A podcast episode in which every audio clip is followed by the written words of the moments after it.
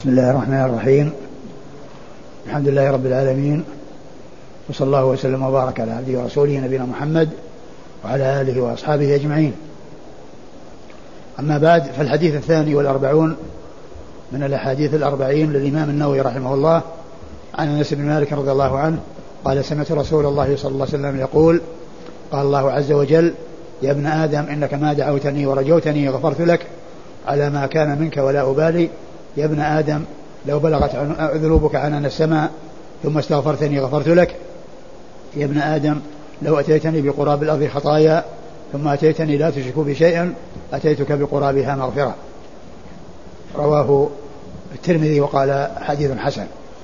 هذا الحديث هو الحديث الذي هو آخر كتاب النووي الأربعين وهو كما هو واضح ليس أربعين حديثا وإنما هو اثنان وأربعون حديثا. ولعله ذكر الأربعين تغليبا لذلك مع حذف الكسر الذي هو الاثنان اللذان بعد الأربعين. فقال عنه الأربعين.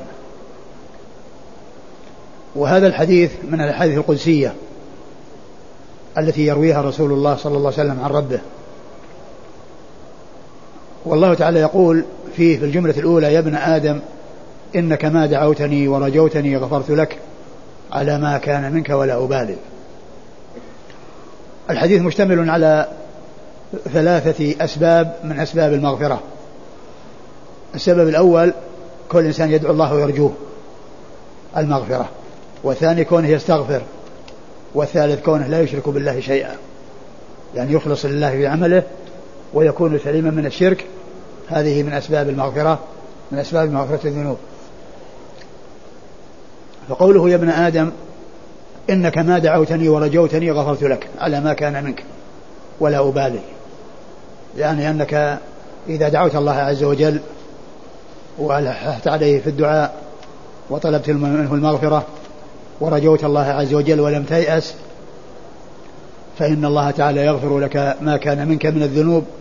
ولو تكررت ولو كثرت ولا يبالي أي أنه يغفرها جميعا. وهذا نظير قول الله عز وجل يا عبادي الذين أسرفوا على أنفسهم لا تقنطوا من رحمة الله إن الله يغفر الذنوب جميعا إنه هو الغفور الرحيم. فإذا من أسباب المغفرة كل إنسان يدعو الله ويرجوه أن يغفر له فإن الله تعالى يجيبه ويغفر له وهذا من أسباب آه، مغفرة الذنوب. ومغفرة الذنوب هو سترها عن الخلق والتجاوز عنها بحيث لا يعاقب عليها ولا يحصل له عقوبة عليها. هذا هو مغفرتها لأن الغفر هو الستر. ولهذا قيل للمغفر مغفر لأنه يستر الرأس ويغطيه عن السهام. فغفر الذنوب سترها عن الناس وعدم إظهارها وحصول ستر الله عز وجل للعبد فيها وكونه يتجاوز عنها فلا يؤاخذ عليها ولا يعاقب عليها. فيكون كأنه لم يكن ولكن هذا يكون مع التوبة إلى الله عز وجل. الإنسان يرجو ويدعو وهو تائب لا أن يكون مصرا على الذنب وهو مشغول بالذنب ومهموم بالذنب وشغله متعلق بالذنب وفكره متعلق بالذنب ثم يقول اللهم اغفر لي فإن هذا هذا من اللسان أو مما يكون على اللسان دون تواطؤ القلب عليه وإنما يكون الاستغفار نافعا إذا تواطأ القلب واللسان على ذلك وكان بتوبة من الله سبحانه وتعالى. ثم قال يا ابن آدم يا ابن آدم آه لو بلغت ذنوبك عنان السماء ثم استغفرتني غفرت لك. يعني في الأول ذكر أن أنه إذا دعا ورجى من الله عز وجل أن يغفر له فالله تعالى يغفر له.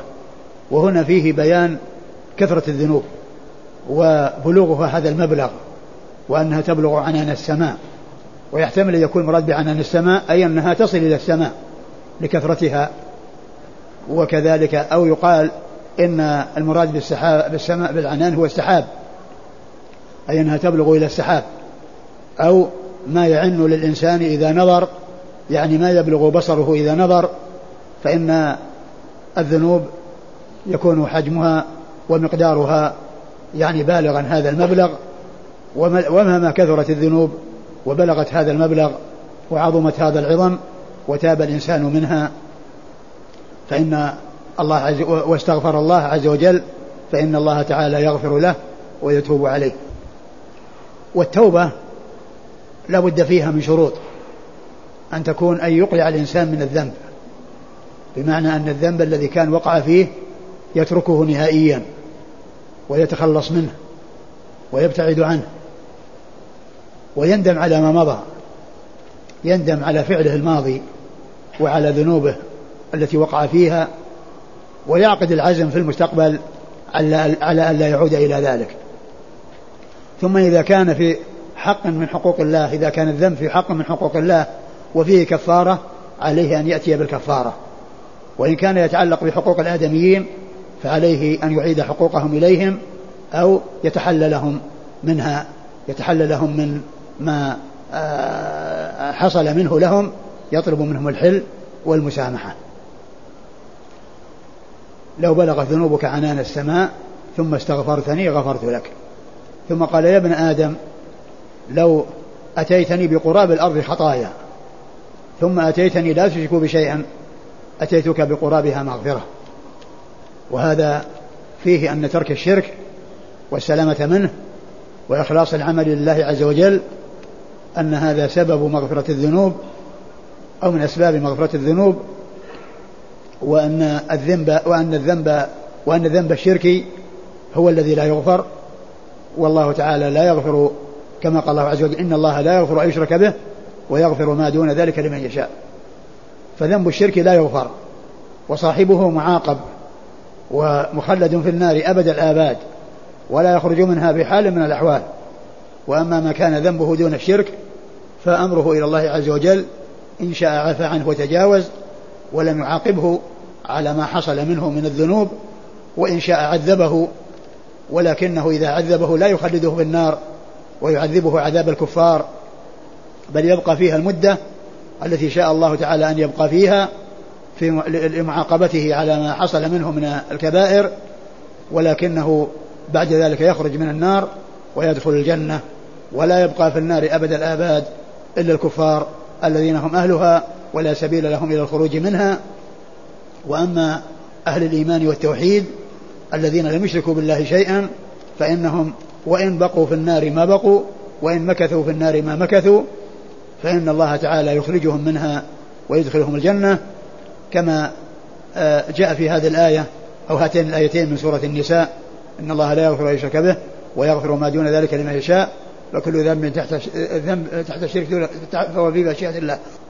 وكذلك الأحاديث المتواترة الكثيرة في إخراج أهل الكبائر من, الشف... من النار بالشفاعة بشفاعة الشافعين وبعفو أرحم الراحمين فإنها تدل على خروج من كان من أهل التوحيد من النار إن دخلها وإذا شاء الله تعالى يعفو عنه فإنه لا يدخلها. ولهذا يقول الله عز وجل في هذا الحديث القدسي يا ابن آدم لو أتيتني بقراب الأرض يعني ما يقارب ملئها. يعني قراب الأرض يعني ملؤها أو ما يقارب ملئها. خطايا ثم أتيتني لا تشرك بشيئا يعني أنه سليم من الشرك لأن وجود الشرك لا تغفر معه الذنوب. لا يغفر الله تعالى الذنوب مع الشرك. لا ذنب الشرك ولا غيره. ولهذا فإن المشركين يؤاخذون على شركهم بالله وعلى أعمالهم الأخرى التي يأتون بها مع الشرك فإنهم يؤاخذون على هذا وعلى هذا. ولهذا فإن الكفار يتفاوتون في الكفر يتفاوتون في التعذيب بالنار ويتفاوتون في إيذاء المسلمين في هذه الحياة الدنيا. فمنهم من يكون آه، مع كفره يؤذي المسلمين ومنهم من يكون مع كفره يأتي بالأمور المنكرة والأمور القبيحة فيكون بذلك أسوأ ممن ليس عنده إلا مجرد الكفر كما قال الله عز وجل الذين كفروا وصدوا عن سبيل الله زدناهم عذابا فوق العذاب. بما كانوا يفسدون. الذين كفروا وصدوا عن سبيل الله زدناهم عذابا فوق العذاب. ولهذا كان أصحاب النار في النار دركات. بعضهم أسفل من بعض كما أن أهل الجنة في الجنة درجات. بعضهم أعلى من بعض فأهل الجنة يتفاوتون بالرفعة وأهل النار يتفاوتون بالسفل والنزول في النار. كما قال الله عز وجل أن المنافقين في الدرك الأسفل من النار. هذا هو الحديث الثاني والأربعون؟ هذا هو الحديث الثاني والأربعون وهو آخر أحاديث الإمام النووي رحمه الله. وقد زاد الحافظ بن رجب الحنبلي المتوفى سنة 795 ثمانية أحاديث أضافها إليها وهي على نسقها وعلى طريقتها من جوامع الكلم. لأن لأن حديث الإمام النووي الاثنان الاثنين والأربعين هي من جوامع الكلم فأضاف إليها ثمانية من جوامع الكلم فصارت خمسين حديثا وقد شرحها بكتابه العظيم جامع العلوم والحكم في شرح خمسين حديثا من جوامع الكلم. في شرح خمسين حديثا من جوامع الكلم. وأول هذه الأحاديث حديث عبد الله بن عباس رضي الله تعالى عنهما قال سمعت رسول الله صلى الله عليه وسلم يقول ألحق الف... قال قال رسول الله صلى الله عليه وسلم أو أن رسول الله صلى الله عليه وسلم قال ألحق الفرائض بأهلها فما أبقت الفرائض فلأولى رجل ذكر. وهذا حديث عظيم وهو حديث آه، جامع هو من جوامع كلمة صلى الله عليه وسلم وهو أصل في باب الفرائض وقسمة المواريث. فقوله صلى الله عليه وسلم ألحق الفرائض بأهلها أي ألحق الفروض المقدرة في كتاب الله بأهلها. والفروض المقدرة في كتاب الله هي ستة. هي النصف والثلث النصف والربع والثمن والثلثان والثلث والسدس. ويقال فيهما على سبيل الاختصار الثلثان والنصف ونصفهما ونصف نصفهما. الثلثان والنصف ونصفهما ونصف نصفهما لأن النصف نصفه الربع ونصف الربع الثمن والثلثان نصفهما الثلث ونصف الثلث السدس. فإذا يقال فيها على سبيل الاختصار النصف والثلثان ونصفهما ونصف نصفهما. ويمكن أن يعكس الأمر فيقال السدس والثمن وضعفهما وضعف ضعفهما السدس والثمن وضعفهما وضعف ضعفهما. أو يؤتى في الوسط فيقال الثلث والربع وضعف كل ضعف كل ونصفه. الثلث والربع ونصف كل وضعفه. يعني يؤتى من الوسط ويشار إلى ما تحته وإلى ما فوقه. والثلث تحته السدس والربع تحته الثمن والنصف والربع فوقه النصف والثلث فوقه الثلثان. فيقال فيها هذه الأوجه الأربعة في بيان الاختصار بحيث يبدأ من أعلاها ثم ترتب ترتيبا تنازليا أو يبدأ بأسفلها وترتب ترتيبا تصاعديا أو يؤتى بوسطها ويضاف إلى نصف آه، الاثنين وإلى ضعف الاثنين اللذين هما الثلث والربع. فهذه هي الفروض المقدرة في كتاب الله عز وجل. فتلحق الفرائض بأهلها المقدرة وكذلك ما ألحق بها وكذلك ما ألحق بها من آه كون آه, آه،, الأولاد إذا اجتمعوا ذكورا وإناثا فإن فإن القسمة تكون بينهم للذكر من حظ الأنثيين. تكون للذكر من حظ يعني يرثون تعصيبا ويوزع بينهم على هذا الأساس. ومعلوم أن الذكر لا يفرض له وإنما يأخذ الباقي الذكر من الأولاد لا يفرض له وإنما يأخذ الباقي بعد الفروض. وكذلك إذا كان معه أخته أو أخواته فإنه يكون للذكر مثل حظ الاثنين إذا اجتمع الذكور والإناث. فإن هذا مما هو موجود في كتاب الله عز وجل وليس مقصورا على على أصحاب الفروض المقدرة لأن أولئك قدر لهم شيء على هذا الأساس وهو أنهم يرثون تعصيبا ويكون للذكر مثل حظ الاثنين ولا يختص الذكور بذلك وإنما يختص الذكور بذلك فيما إذا بعدت القرابة. إذا بعدت القرابة بحيث تكون الأنثى لا ترث مع أخيها ولا مع ابن عمها وإنما يختص الرجال بذلك كأبناء الإخوة الأشقة ولأب وكالأعمام وأبناء الأعمام فإن فإن وكأبناء الأعمام فإن والأعمام فإن الأمر يختص بالرجال دون النساء.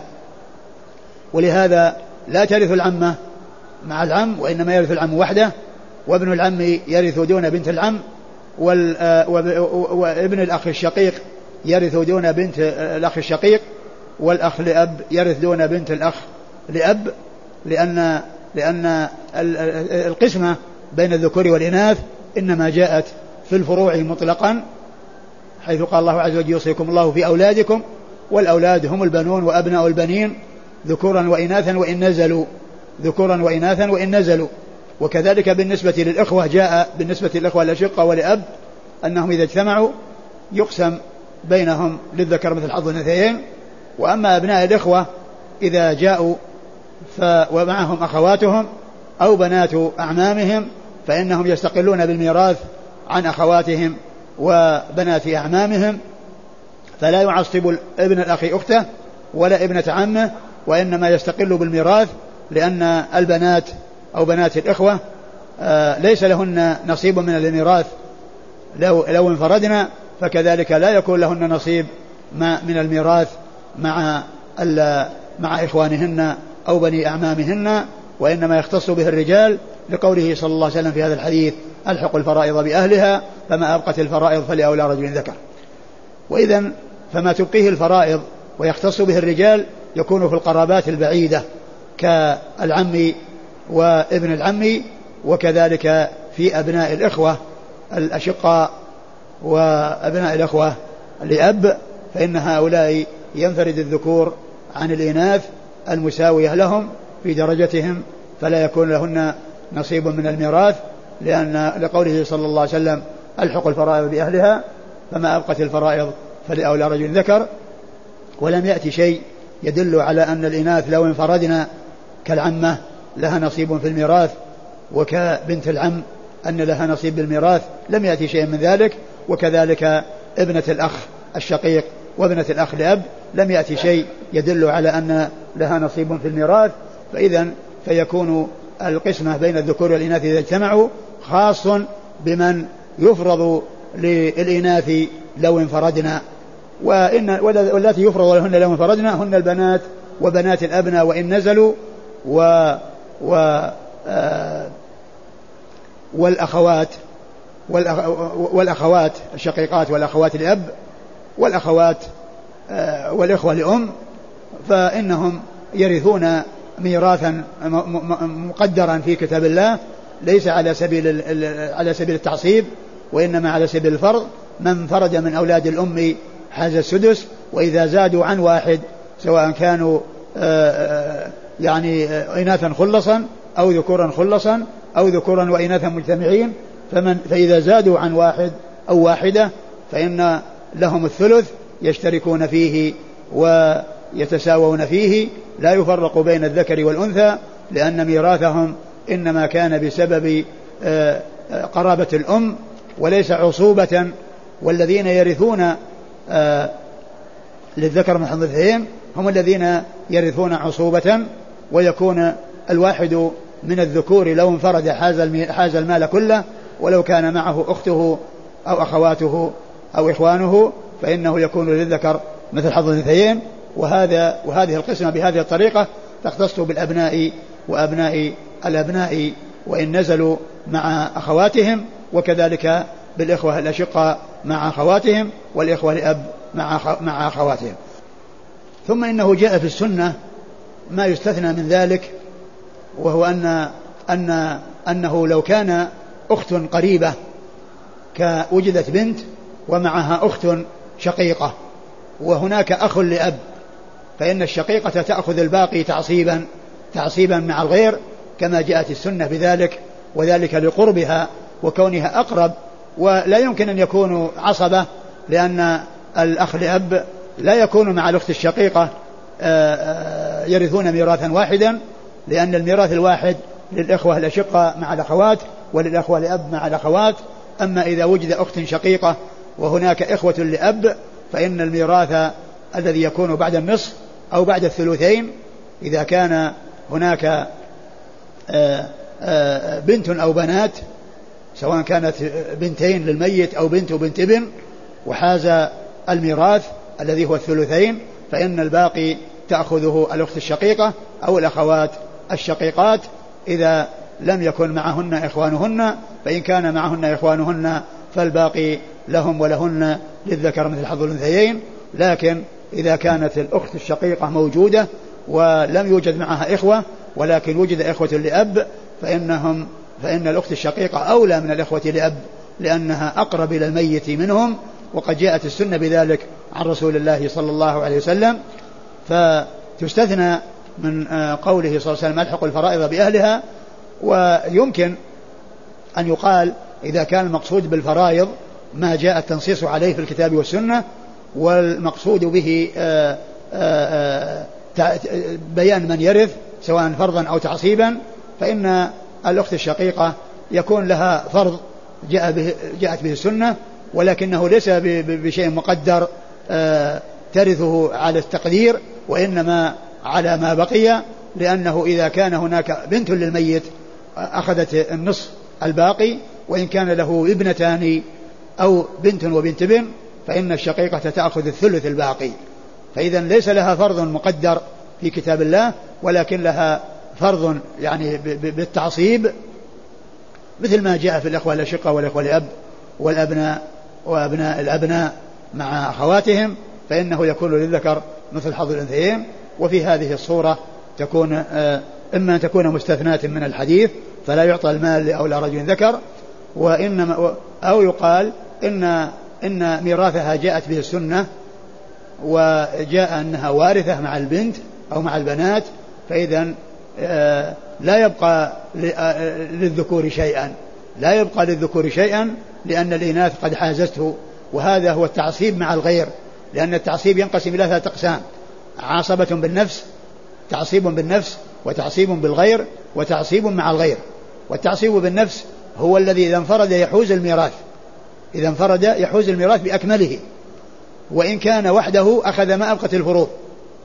كالابن وابن الابن والأخ الشقيق والأخ لأب وكذلك الأب والجد. فإن هؤلاء يحوزون المال إذا انفردوا. وإذا كان هناك أصحاب فروض أخذ أصحاب الفروض فروضهم وأخذوا ما أبقت الفروض وأخذوا ما أبقت الفروض. ثم إن قوله فلأولى رجل ذكر أولى بمعنى أقرب. وهذا مأخوذ من قول فلان يلي فلان يعني أنه بعده ويليه مباشرة. وليس بمعنى أنه الأحق أحق رجل ذكر وإنما هو أولى أقرب رجل ذكر أقرب رجل إلى الميت. وعلى هذا فإذا ترك الميت أبناء إخوة أشقاء وأبناء إخوة لأب وأعمام وأبناء الأعمام فإن أقربهم الأخ... الإخوة الأشقاء إذا كانوا موجودين فيحوزون الميراث ويستقلون به إذا كانوا. إذا كانوا منفردين وإن كان معهم أصحاب فروض أخذوا ما أبقت الفروض فيكون قوله صلى الله عليه وسلم ألحقوا الفرائض بأهلها فما أبقت الفرائض فلأولى رجل ذكر بمعنى أنه لو وجد أخوة أشقاء وإخوة لأب وأعمام وأبناء الأعمام فأقرب هؤلاء الأربعة الأصناف هم الأخوة الأشقاء لأنهم يدلون إلى الميت بأبيه يدلون إلى الميت بأبيه وقدموا على الإخوة لأن عندهم سببين سبب القرابة من جهة الأم وسبب القرابة من جهة الأب ومن جهة الأم. فالجهة واحدة ولكن يقدم بالتقديم. فما كان أقدم وما كان يعني آآ آآ آآ يعني إخوة شقة وإخوة لأب فإنهم يقدمون. يقدم الإخوة الأشقاء على الإخوة لأب لأن هؤلاء عندهم سببين والجهة واحدة وهي جهة الأخوة. والجهة واحدة وهي جهة الأخوة. وأما إذا وجد إخوة لأب مثلا وأعمام فإن الإخوة أبناء الإخوة لأب أولى من الأعمام لأن الإخوة لأب يدلي إلى الميت بأبيه وأما ذاك يدلي إليه بجده لأن ذاك العم هو أخ الجد وهذا يدلي إلى الميت بأخوته لأنهم متفرعون عن الأب القريب فمن كان متفرعا عن الأب القريب فهو أولى من المتفرع عن الأب البعيد. وهكذا يعني الأعمام يعني اللي هم أخوان الجد أو يعني اللي فوقهم اللي هم أخوان أبي الجد وإن علا وكذلك أبنائهم وإن نزلوا فيكون من يدلي الميت بمن هو قريب منه هو الذي يحوز الميراث ومن كان أبعد فإنه لا يحوزه سواء كان ذلك في جهة واحدة أو في جهتين. كالإخوة الأب مع الأخو مع الأعمام فإن هؤلاء في جهة وهؤلاء في جهة لأن جهة أبناء الإخوة يعني آآ آآ جهة يدلون بالأخوة وذلك لمشاركتهم الميت في أبيه. مشاركتهم الميت في أبيه. وأما الأعمام يشاركون الميت في جد أبيه وليس في أبيه. فمن يدلي إلى الميت بالأب القريب أولى ممن يدلي إليه بالأب البعيد الذي هو فوق القريب. وعلى هذا فقوله صلى الله عليه وسلم لأولى رجل ذكر يعني من كان يقرب إلى الميت ومن كان قريبا من الميت سواء كان ذلك القرب من جهة واحدة ولكن فيه آه، من يدلي بسببين كالأم والأب ومن يدلي بسبب واحد وهو الأب فقط فإن الإخوة الأشقاء مقدمون على الإخوة لأب لأن هؤلاء يدلون بالأم والأب وهذا وهؤلاء يدلون بالأب فقط فكانوا أولى وأقرب إلى الميت من هؤلاء. وسواء كان ذلك في جهتين كما قلنا بالنسبة للإخوة الأشقاء أو الإخوة لأب مع الأعمام الذين يدلون بسبب بقرابتهم للميت في مشاركتهم في جده لأن العم يشارك لأن العم يشارك يشارك الميت في أبي أبيه. وأما الأخ يشاركه في أبيه. ومن يشاركه في الأب أولى ممن يشارك في الجد.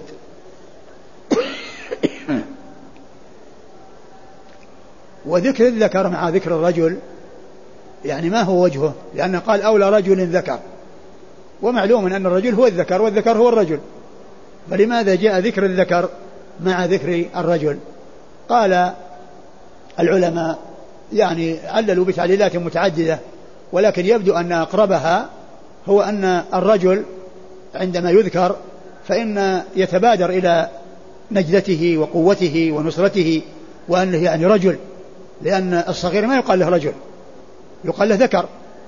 فلما كان الأمر لا يختص بأصحاب النجدات والإعانات والنصرة والقوة والدفاع عن الميت لكونه يعني عنده قدرة على ذلك وإنما الأمر يتعلق بالذكورة فقط. أضاف إلى ذلك شيء يبين أنه ليس الأمر خاصا بمن يوصف بأنه رجل وهو الذي عنده قوة وعنده شدة وعنده إعانة.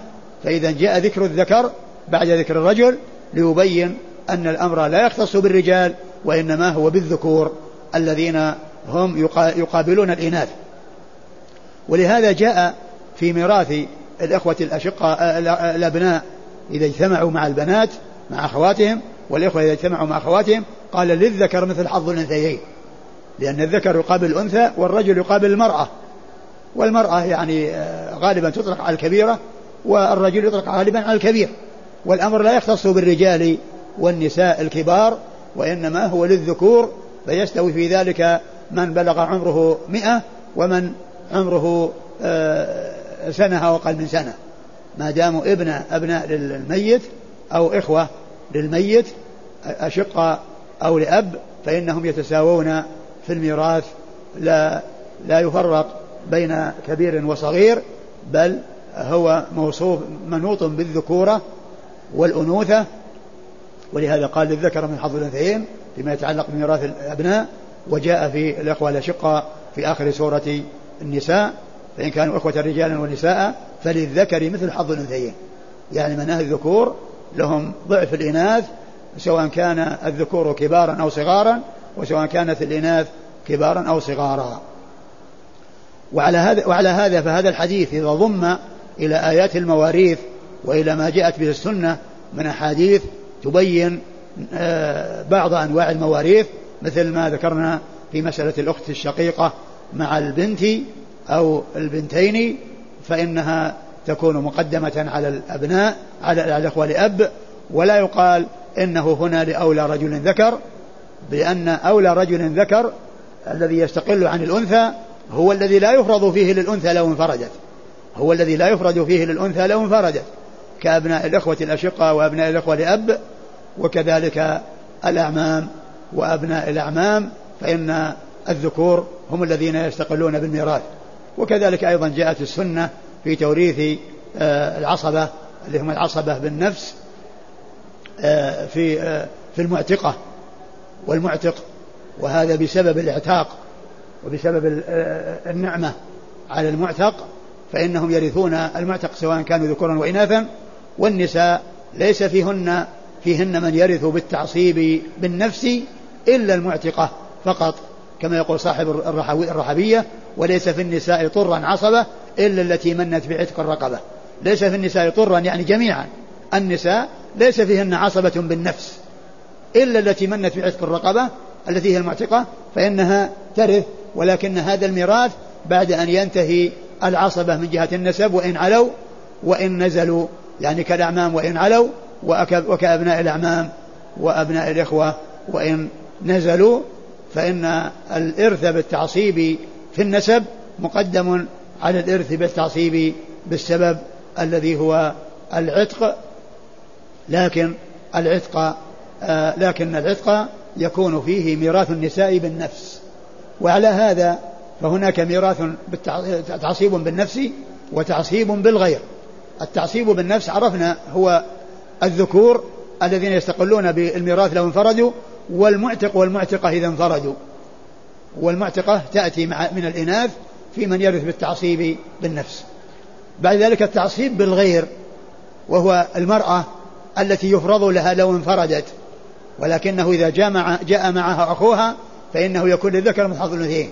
كالبنات والبنين وكأبناء البنين وبنات البنين فإنهم يعني يكون للذكر من حظ الأنثيين وكالإخوة الأشقة مع أخواتهم الشقيقات والإخوة لأب مع أخواتهم لأب فإن الأنثى منهن لو انفردت فإنه يفرض لها. إذا انفردت الواحدة منهن فرض لها النصف اللي هي البنت وبنت الابن والشقيقة والأخت الأب إذا انفردت الواحدة منهن فرض لها النصف. وإن كن أكثر من واحدة فرض لهن الثلثين. وإن كان وسواء كان هذا الميراث بطبقة واحدة أو بطبقتين. بأن ما وجد بنتين ولكن وجد بنت وبنت ابن. فإن البنت يكون لها النصف وبنت الابن يفرض لها السدس تكملة الثلثين. لأن البنات المجتمعات لا يحصلن أكثر من ثلثين. فإن كن في درجة واحدة حزنه وإن كن في درجتين فإن التي في الدرجة الأولى تأخذ النصف والتي في الدرجة الثانية وهن بنات الأبناء والأخوات والأخوات الشقيقات مع والأخت الأخت مع أخت الشقيقة فإن الشقيقة لها النصف والأخت الأب يفرض لها السدس تكملة الثلثين لأنهن يرثن ميراث الأخوات والأخوات يكون لهن الثلثين إن كنا في طبقة واحدة آه، اشتركنا في الثلثين كل واحد لها ثلث وإن كنا متفاوتات في الطبقة بأن تكون بنت وبنت ابن أو أخت شقيقة أخت الأب فإن الأولى أو المقدمة تأخذ أو الأقرب تأخذ النصف والثانية تأخذ السدس تكملة الثلثين اللذين هما فرض الله عز وجل للإناث الخلص من آه، البناء من البنات وبنات الأبناء والأخوات الشقيقات والأخوات الأب فالواحدة منهن يفرض النصف وما كان أكثر منهن يفرض لهن الثلثين. وسواء كنا في طبقتين أو في طبقة واحدة كما عرفنا.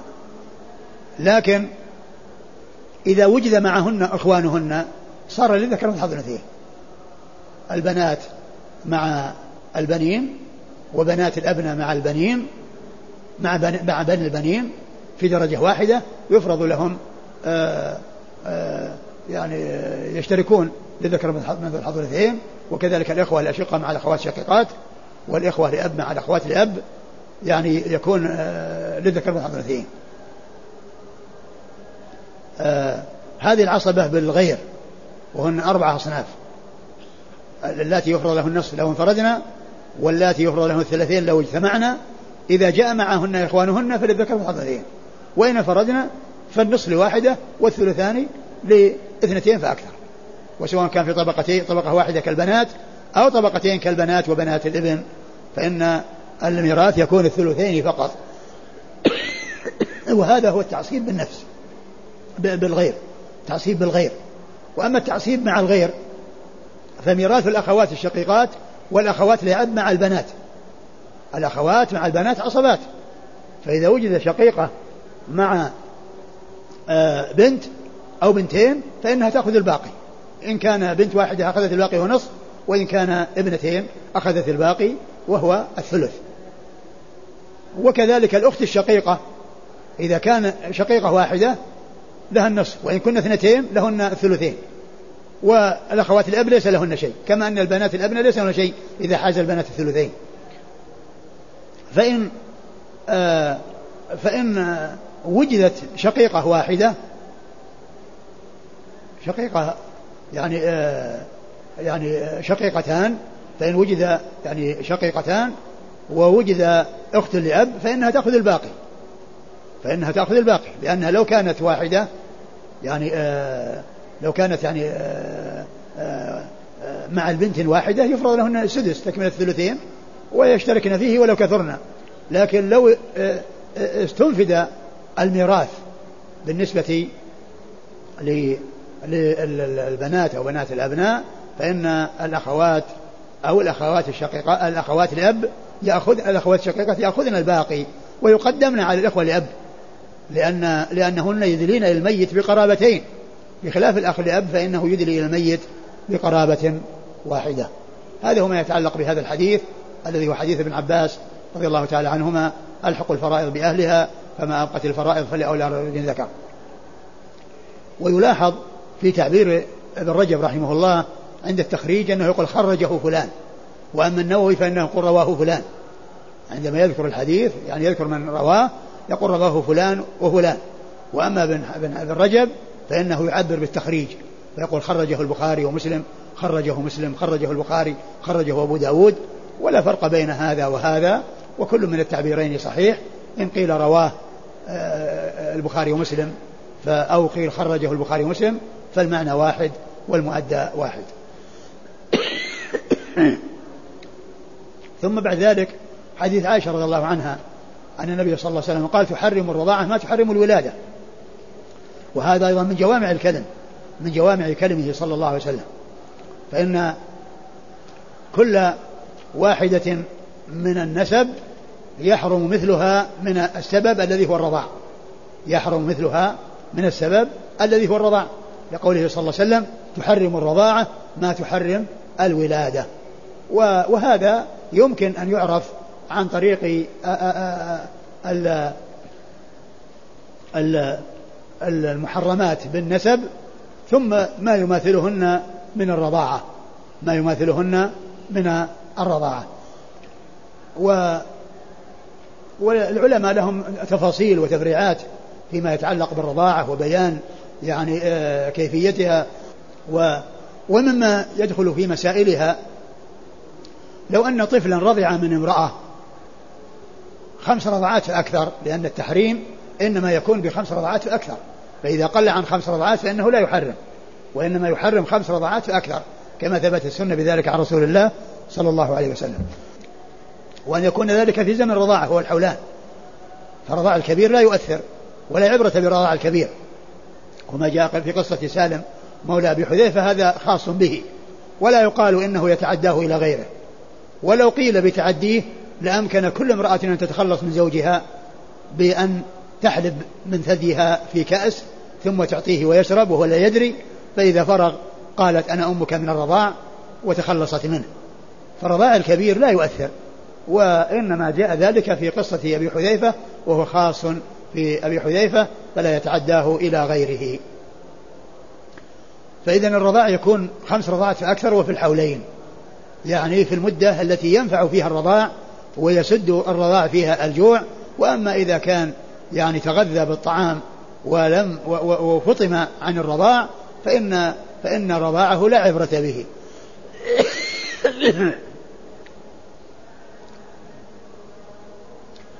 فلو رضع طفل من امرأة فإنه يكون أخ يكون أخا لجميع أولادها ولو كانوا من عدة أزواج قبل الذي رضع من لبنه الفحل الذي هو زوجها الذي رضع من لبنه أو بعده.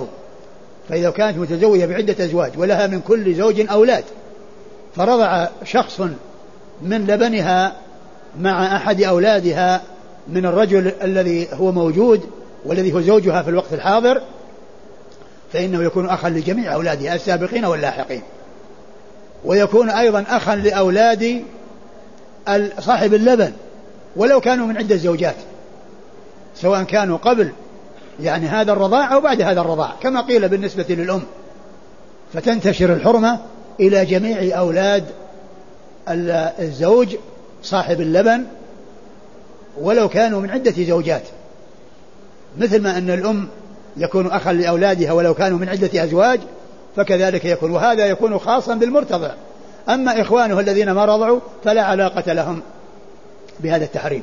التحريم خاص بالمرتضع فإنه يكون ابنا للمرضعة وأخا لجميع أولادها وكذلك يعني ابنا لجميع أمهاتها من الرضاع ويكون ابنا للمرضع يعني وأخا لجميع أولاده وابنا لأمهاته وآبائه كل ذلك يختص به هذا المرتضع. يختص به هذا المرتضع الذي رضع اللبن هو الذي ينفرد بالحرمة ويحصل له هذا الانتشار الواسع. وأما الذين ما حصل لهم رضاع من أقاربه فإنه ليس آه يعني لهم علاقة. لكن لو أن آه إنسانا آه نعم يعني كونه رضع من امرأة يكون أخا لجميع أولادها يكون أخا لجميع أولادها و و وإخوانه الذين ما رضعوا ليس لهم علاقة بهذا بهذا التحريم. آه، أما الحديث آه، الرابع والثلاثون فهو حديث جابر بن عبد الله الأنصاري رضي الله عنهما. خامس نعم. خامس والأربعون. خامس والأربعون. آه نعم الخامس والأربعون الحديث آه الرابع والأربعون ألحق الفرائض الثالث والأربعون ألحق الفرائض وتحرم الرضاعة هو الرابع وهذا هو الخامس الخامس والأربعون. حديث جابر بن عبد الله الأنصاري رضي الله عنهما أن النبي صلى الله عليه وسلم حر أن أن أن الله ورسوله حرم بيع الخمر والميتة والخنزير والأصنام و فقال رجل يا رسول الله أرأيت شحوم الميتة؟ فإنه يطلى, تطلى بها السفن وتدهن بها الجلود ويستصبح بها الناس. قال لا هو حرام. ثم قال قاتل الله اليهود. لما حرم الله عليهم الميتة فأذابوه وباعوه وأكلوا ثمنه. وباعوه وأكلوا ثمنه. لما حرمت عليهم الميتات عمدوا إلى الشحوم فأذابوها. وباعوها على أنها ودك ما هي شحم. باعوها على أنها ودك وليس شحم وهذا من الحيل من حيل اليهود التي أخبر بها رسول الله صلى الله عليه وسلم وأنهم احتالوا على ما حرم الله فحولوه إلى شيء آخر وصار له اسم آخر والنتيجة واحدة والله تعالى إذا حرم شيئا حرم ثمنه. قوله صلى الله عليه وسلم إن الله ورسوله حرم. جاء في بعض الروايات حرما بالتثنية. والضمير يرجع إلى الله ورسوله صلى الله عليه وسلم. وعلى هذه الرواية التي فيها الإفراد في حرما فإن فإنه يقال فيها أن أن أن أن التحريم يرجع للثاني الذي هو الرسول صلى الله عليه وسلم والتحريم الذي يرجع إلى الله محذوف وتقديمه إن الله تقديره إن الله حرم ورسوله حرم. إن الله حرم ورسوله حرم. فيكون خبر الأول محذوف والثاني موجود. ويكون هذا مثل قوله والله ورسوله حق يرضوه. يعني والله حق يرضوه ورسوله حق يرضوه. وكذلك قول الشاعر نحن بما عندنا وأنت بما عندك راض والرأي مختلف. يعني نحن بما عندنا راضون وأنت بما عندك راض. فحذف الخبر في الأول فقال نحن بما عندنا وأنت بما عندك راض. لدلالة الثاني على الأول. لدلالة المذكور على المحذوف. نحن بما عندنا وأنت بما عندك راض والرأي مختلف. يعني نحن بما عندنا راضون وأنت بما عندك راض. فيكون آه، ذكر الضمير يعني على سبيل الإفراد هو من هذا القبيل. حرم بيع الميتة. الميتة هي حرام أكلها. فبيعها حرام. لأن الله تعالى إذا حرم شيئا حرم ثمنه. ما يقال أنه يتخلص من المحرم ببيعه ثم يؤكل ثمنه. بل ما هو حرام فإنه حرام بيعه. ما هو حرام فإنه يحرم بيعه.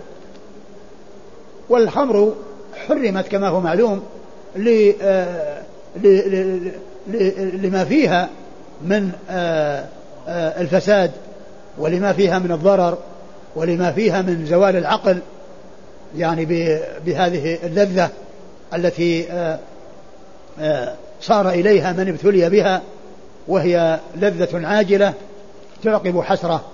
وتعقب ندامة. وقد سماها وقد سماها الرسول أم الخبائث. لأن الإنسان إذا أتى بها وسكر فإن كل شيء يمكنه أن يفعله. حتى يمكنه أن يفعل بمحارمه والعياذ بالله. لأن عقله قد ذهب. وعقله ليس بموجود. عقله ليس بموجود. ولهذا يقول ابن الوردي في لاميته العظيمة التي يقول فيها في بيت من أبياتها أو شطر من شطر أبياتها كيف يسعى في جنون من عقل؟ كيف؟ هذا شيء عجيب. إنسان الله أعطى عقله ثم يبحث عن يكون من جملة المجانين. الله تعالى يرزقه عقلا ثم يسعى باختياره وإرادته إلى أن يكون من جملة المجانين. ومعلوم أن المجنون يعني يذهب عقله والعياذ بالله فيحصل منه أنواع الخبائث ولهذا قيل لها أم الخبائث. لأنها توصل إلى الخبائث. ليس إذا فقد عقله يتصرف. تصرفات خبيثة وقد يقع فيها على محارمه والعياذ بالله. وقد يقع فيها على محارمه ويحصل منه أمور منكرة وأمور مستقذرة وأمور مستقذرة مثل آه، قصة آه، آه، السكران الذي يبول ويأخذ بوله ويشربه ويغسل به وجهه. كل هذا يعني قبح. وسوء سببه ونتيجته هو تضييع العقل وإفساد العقل. ولهذا قيل لها أم الخبائث. الله تعالى حرم الميتة يعني فلا فلا تؤكل ولا تباع وحرم الخمر فلا تشرب ولا تباع وحرم الخنزير يعني فلا يؤكل ولا يباع وكذلك حرم الأصنام فلا يجوز بيعها وإن كانت أعيانها تكون طاهرة وتكون سليمة قد تكون من حجارة أو من خشب فلا يجوز بيعها لأنها تعبد من دون الله ولأنها أصنام تعبد من دون الله لكن لو كسرت وحطمت وصارت كسرا وقطعا فإنه يمكن الاستفادة من هذه القطع وهذه الكسر لأنها خرجت عن كونها صنما خرجت عن كونها صنما فيمكن أن يستفاد من هذه الحجارة يعني في بناء أو في غير ذلك وإنما لا يجوز بيعها وهي صنم. ثم إن الرسول صلى الله عليه وسلم لما قال أن الله تعالى ورسوله حرم هذه الأمور الأربعة وكان يعني هناك شيء يتعلق بالميتة وبشحوم الميتة فسأل رجل قال يا رسول الله أريت شحوم الميتة؟ فإنه تطلى بها السفن وتدهن بها الجلود ويستصبح بها الناس يعني يتخذونها للضياء. والإضاءة يعني بشحوم الميتة. فقال صلى الله عليه وسلم لا هو حرام. وقد اختلف بقوله هو حرام هل يرجع إلى البيع أو يحرم أو يرجع إلى هذه الأمور التي ينتفع بها؟ على خلاف بين العلماء. منهم من قال إن ذلك يرجع للبيع وأن الاستفادة منها والاستصباح ودهن الجنود والجلود وطلاء السفن. يعني طلاؤها من الخارج بحيث أن لا يؤثر فيها الماء.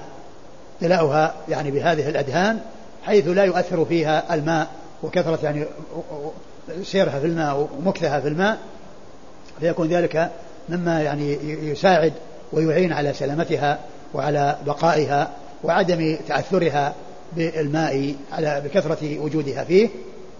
فقال لا هو حرام فمنهم من فسر هو حرام بأنه يرجع إلى الاستصباح وأنه لا يجوز فعل هذه الأمور ومنهم من قال إنه يرجع إلى البيع.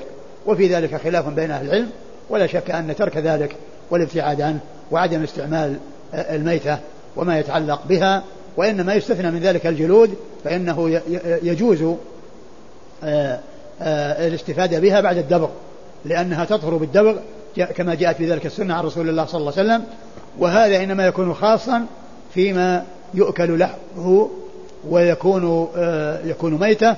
وأما ما لا يؤكل لحمه فذكاته مثل ميتته. ذكاته مثل ميتته. والمذكى كما هو معلوم مما يؤكل لحمه يمكن الاستفادة من جلده ولا يقال أنه أنه نجس كالميتة وإنما هو طاهر ولكنه يدبغ من أجل إزالة شعره والاستفادة منه. وأما الميتة فجلدها من جنسها ولكنه يطهر بالدباغ كما جاء في ذلك السنة عن رسول الله صلى الله عليه وسلم. أما إذا كان مما لا يؤكل لحمه كالحمير والكلاب والخنازير وغير ذلك فإنه لا يستفاد من جلوده ولا ينتفع بها وإنما الاستفادة تكون من مأكول اللحم لأنه هو الذي تنفع فيه الزكاة وأما ما لا يؤكل لحمه فذكاته ميتة. فهو مذكى بمنزلة الميت. لا يقال أن الزكاة تخرجه من كونه ميتة بل هو ميتة ولو ذكي. هذا إذا كان لا يؤكل لحمه. آه ثم قال آه لعن الله اليهود. يعني أنهم يعني أصحاب الحيل وأنهم لما حرم الله تعالى عليهم الميتات أذابوا شحومها وأجملوه يعني أذابوه وصار بدل ما كان شحم قال له ودك. فباعوه وأكلوا ثمنه. وهذا من حيلهم التي بينها رسول الله صلى الله عليه وسلم وهي وهي حرام. فالخمر لا يستفاد منها ببيعها ولا يستفاد منها ب يعني وإنما يجب إراقتها وإتلافها و آه، آه، آه، الميتة كذلك لا يستفاد منها إلا بجلدها لا يستفاد إلا بجلدها إذا دبغ. الأمور الأخرى لا يستفاد منها لا بالأكل بالنسبة للخنزير ولا بالبيع وكذلك بالنسبة للأصنام لا يستفاد منها ببيعها لأن ذلك يؤدي إلى الإشراك بها مع الله وكونها تعبد من دون الله فذلك في مضرة وإنما تحطم وتكسر ولا تبقى يعني صنميتها ووثنيتها و ويمكن أن يستفاد منها في في في بنيان أو في جدار لأنها ما بقيت صنما. ثم بعد ذلك آه، حديث أبي موسى الأشعري رضي الله عنه هو الحديث السادس والأربعون الحديث السادس والأربعون وهو حديث أبي موسى عن أبي وردة عن أبي موسى رضي الله عنه أن النبي صلى الله عليه وسلم بعثه إلى اليمن فسأله عن أشربة فيها فقال ما هي؟ قال البتع والمزر. قيل لأبي بردة ما البتع؟ قال نبيذ العسل. وقال وقيل له ما المزر؟ قال نبيذ الشعير.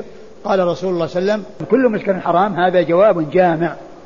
يدخل فيه المسؤول عنه وغير المسؤول عنه وأن القضية منوطة بالإسكار فكل ما أسكر فإنه حرام سواء كان من الشعير أو من العسل أو من العنب أو من التمر أو من آه، أي شيء وسواء كان جامدا أو سائلا أو يعني آه، سحيقا مسحوقا يعني طحين وكل ذلك حرام لأنه ما لأن الأمر علق بالإسكار. الأمر علق بالإسكار فقال كل مسكر حرام. وهذا من جوامع كلمة صلى الله عليه وسلم. ولهذا لما سئل بعض الصحابة عن الباذق وهو نوع من الشراب فقال سبق محمد الباذق سبق محمد صلى الله عليه وسلم الباذق قال كل مسكر حرام. يعني أن الشريعة في عموماتها وكلياتها يدخل فيها ما كان معروفا وما ليس بمعروف. ما دام أنه يدخل تحت هذه القاعدة الكلية وهذه الجملة الكلية التي هي قوله كل مسكر حرام. فقوله كل مسكر حرام أنيط الحكم بالإسكار يعني في جميع أحواله سواء كان سائلا أو جامدا أو آه، دقيقا أو أي شيء آخر فإن آه، الحكم منوط بالإسكار ولا ينظر إلى شيء وراء ذلك وإلى آه، إلى ما هو وراء ذلك. ثم إن قول كل مسكر حرام يعني يكون في القليل والكثير. ما أسكر كثيره وقليله حرام وإنما حرم القليل الذي لا يسكر لأنه ذريعة إلى المسكر. وهذا من باب شد الذرايا. فإذا كان كثيره يسكر وقليله لا يسكر فقليله كثير حرام. لأن شرب القليل ذريعة إلى شرب الكثير. ولكن الشريعة جاءت بسد الذرائع ومنع الأشياء التي توصل إلى الغايات. فالقليل وإن كان لا يسكر فإنه حرام. وقد جاء ذلك في سنة الرسول صلى الله عليه وسلم في بعض الأحاديث. أن ما أسكر كثيره فقليله حرام. وهذا من قبيل سد الذرائع كما عرفنا. وهذا من جوامع كلمة صلى الله عليه وسلم لأنه سأله عن اثنتين وعن نوعين من النبيذ فالرسول صلى الله عليه وسلم علق الأمر بالإسكار. معناه إذا كان غير مسكر ما في بأس وإن كان مسكرا فهو حرام. وقد جاء في حديث وفد عبد القيس أن النبي صلى الله عليه وسلم حرم الانتباذ في أوعية غليظة. يمكن يحصل إسكار ولا يظهر على الخارج منها كالدبة وهو القرع الذي يخرج لبه ثم ييبس ويكون وعاء يكون فيه النبيذ وكذلك الحنتم وهي جرار يعني ينتبذ بها والمقير وهو الذي طلي بالقار والمزفة الذي طلي بالزفت وكانت أشياء غليظة يغلب عليها يظهر يمكن يكون إسكار ولكن لا يظهر على خارجها ليست مثل الأسقية اللي في الجلود إذا حصل التغير في داخلها ظهر على سطحها. هذه ما يظهر على سطحها. وكان في هذا في أول أمر ثم إن ذلك نسخ بما يوافق هذه القاعدة التي جاءت في حديث أبي موسى وذلك في حديث أبي بريدة حديث بريدة بن الحصيب الذي ذكر فيه النبي صلى الله عليه وسلم الناسخ والمنسوخ في ثلاثة أمور. قال كنت نهيتكم عن زيارة القبور فزوروها. وكنت نهيتكم عن آه، ادخار لحوم الأضاحي آه، فوق ثلاث ألا فادخروا. وكنت نهيتكم عن الانتباه في أسخ في, في أوعية. فانتبذوا في كل وعاء ولا تشربوا مسكرا. فانتبذوا في كل وعاء ولا تشربوا مسكرا. المهم أنكم ما تستعملون شيئا وصل إلى حد الإسكار. يعني يسكر كثيره لا تستعملوا لا كثيره ولا قليله. فهذا يعني بين فيه صلى الله عليه وسلم أن الأمر يتعلق بالإسكار وأنه إذا لم يصل إلى حد الإسكار فإنه لا بأس به. إذا لم يصل إلى حد الإسكار يعني في الكثير فإنه لا بأس بالقليل والكثير. وإن كان كثير يسكر وقليل لا يسكر فإنه يحرم الكثير والقليل. فإنه يحرم الكثير والقليل. وإذا الرسول صلى الله عليه وسلم لما سأله أبو موسى عن هذين الشرابين اللذين موجودان في اليمن آه، نبيذ العسل ونبيذ الشعير الرسول صلى الله عليه وسلم ما أجابه على عليهما وإنما أجابه بقاعدة كلية يندرج تحتها هذان المسؤولان المسؤول عنهما وغيرهما وأن كل مسكر فإنه حرام وكل ما لم يسكر فإنه حلال. والله تعالى أعلم وصلى الله وسلم وبارك على عبده ورسوله نبينا محمد وعلى آله وأصحابه أجمعين. جزاكم الله خيرا وبارك الله فيكم شفاكم الله وعافاكم ونفعنا الله ما قلتم.